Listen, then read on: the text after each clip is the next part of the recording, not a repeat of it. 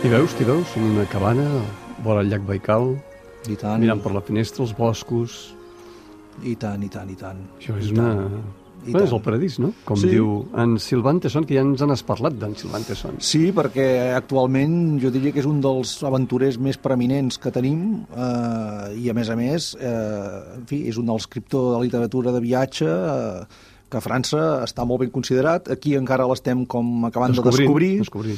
Eh? Hi ha dos o tres obres seves publicades. Berèsina, ens vas parlar Clar, cop. sí, la, a la Pantera de les Neus, que si no ha sortit, estarà per sortir, i aquest La vida simple, que és un viatge, doncs això, un viatge estàtic, pràcticament, tot i que es belluga pel lloc on va, eh, amb una cabana aïllada al llac Baikal, que està suficientment lluny de tothom com perquè pugui tenir una vida aïllada i al mateix temps prou a prop també s'ha de dir, per si passa alguna cosa, doncs que, que, que, en fi, que pugui ser atès, no?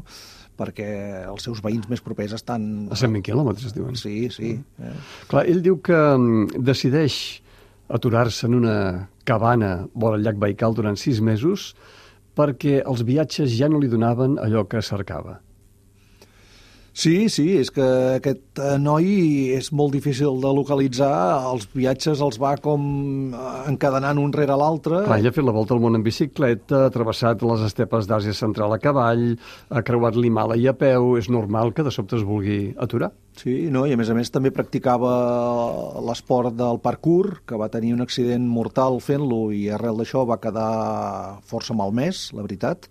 Si ara veus fotografies recents així, doncs veuràs que té com una mena de miparèsia, vull dir que mm. va quedar, es va lliurar allò pels pèls i no obstant això ha seguit viatjant, ha seguit fent documentals i ha seguit escrivint, que és pel que sobretot se'l coneix i ha aconseguit premis al concurs, al Premi de les Arts de l'Acadèmia Francesa, en fi, és un autor que ja et dic, està molt considerat, molt, molt, i en la literatura de viatges no li hauríem de perdre la traça, eh, encara que aquest, doncs això, sigui un viatge eminentment estàtic, un, un viatge d'autodescobriment, Calla,